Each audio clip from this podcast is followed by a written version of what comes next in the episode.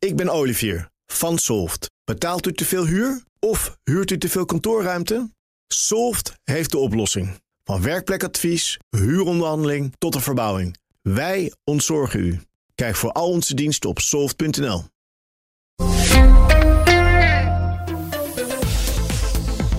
Iedere dag een blik op de wereld. En die komt vandaag van onze Europa-verslaggever Geert-Jan Haan. Geert-Jan, goedemiddag. We gaan zo meteen weer met een U-bocht terug naar Europa, naar ons eigen continent. Maar we beginnen denk ik op 7 november, een, een maand na 7 oktober, uh, met de laatste stand van zaken in Israël, Gaza. Wat kun je daarover kwijt, uh, Geert-Jan?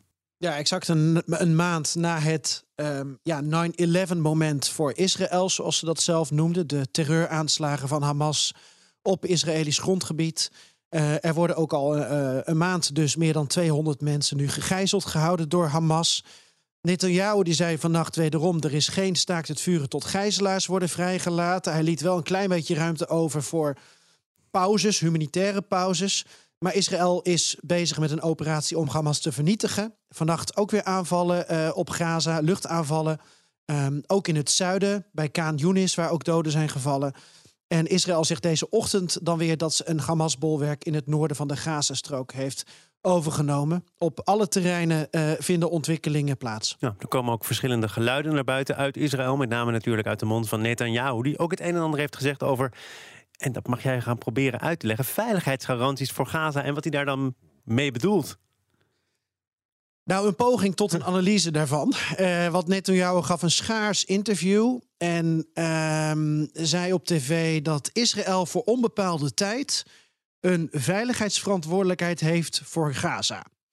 En we kunnen speculeren over wat hij daar dan mee bedoelt. Ik begrijp dat uh, men op de westelijke Jordaan-oever wat bekender is met deze term, omdat toen de Oslo-akkoorden werden afgesloten uh, in de jaren negentig, ja, dat delen van de Westbank onder een soort gedeelde Palestijnse controle en Israëlische veiligheidsverantwoordelijkheid vielen. Um, dat klinkt op papier natuurlijk goed om er samen uit te komen, maar volgens mij heeft het te weinig schijn van dat het idee nu is om er samen uit te komen. Um, het kan ook duiden op een vorm van, van bezetting om ervoor te zorgen dat de Gazastrook niet weer een broeinest van terreur kan worden. Uh, daarmee is de veiligheidsverantwoordelijkheid er dus niet alleen voor de Gazanen, maar ook voor Israël. Wat Netanyahu ook eigenlijk al een beetje aangaf.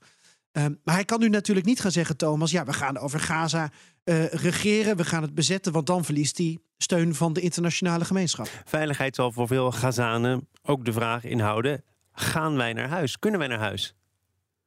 Ja, aan de ene kant allemaal vragen voor later. Ehm, maar ja, eigenlijk is het hartstikke actueel. Je ziet op dit moment anderhalf miljoen ontheemden, zo meldt de VN. Uh, de helft daarvan, 700.000, zit in opvangplekken van die VN. Er zitten ook nog een paar honderdduizend mensen in Gaza-stad. Uh, er zou een, een, corridor zijn waardoor de mensen daar wel uit kunnen als ze willen. Uiteindelijk is het doel van het Israëlisch leger dat um, ja, meer dan een miljoen mensen voorbij Wadi Gaza trekken. Dat is een natuurreservaat en het, alles ten noorden daarvan wil Israël in ieder geval eerst controleren. Misschien dat Netanyahu daarop heeft gehint um, voor die veiligheidsverantwoordelijkheid is voor Noord-Gaza en Gaza-stad in het belang van Israël. Blijft een beetje gissen omdat hij nog weinig pers te woord staat. Um, ja, en tot slot, Thomas, ik heb wat um, ja, cijfers uh, erbij gepakt die, die altijd duizelen.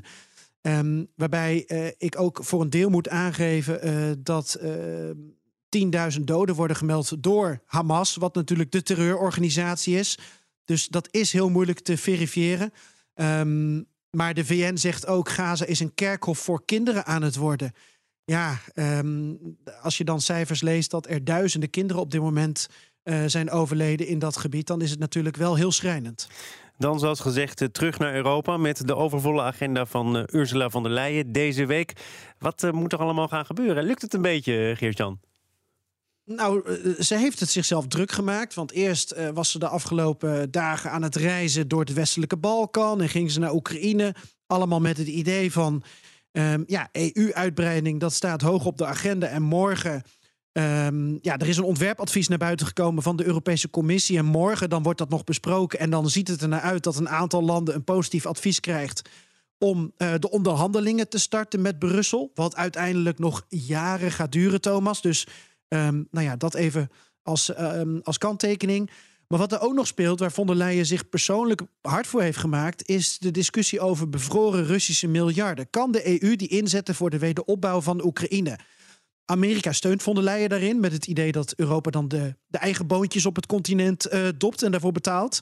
Uh, en dit weekend zei von der Leyen uh, dus nog maar eens dat eind dit jaar er wat haar betreft hele duidelijke plannen zullen komen um, voor die um, ja, doorsluizing van die Russische tegoeden richting Oekraïne. En België speelt er een grote rol in, want daar zit een groot deel van het geld. In sneltreinvaart, waarom die belangrijke rol voor België?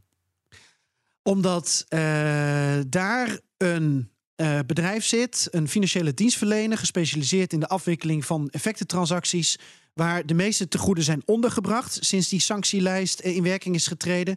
Dat levert ook nog eens miljarden boekwinsten op. Alleen de Belgische minister, uh, premier-minister De Croo, die zegt heel duidelijk: ja, ik wil niet in mijn eentje als België hier verantwoordelijkheid voor dragen.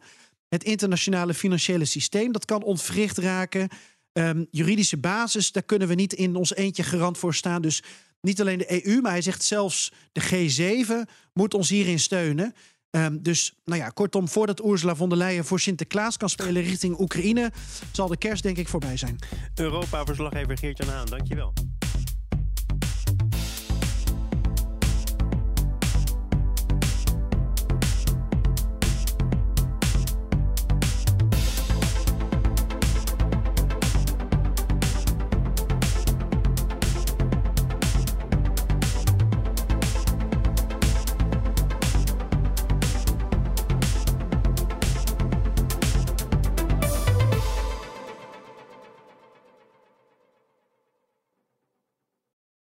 Ik ben Sylvia van Solft.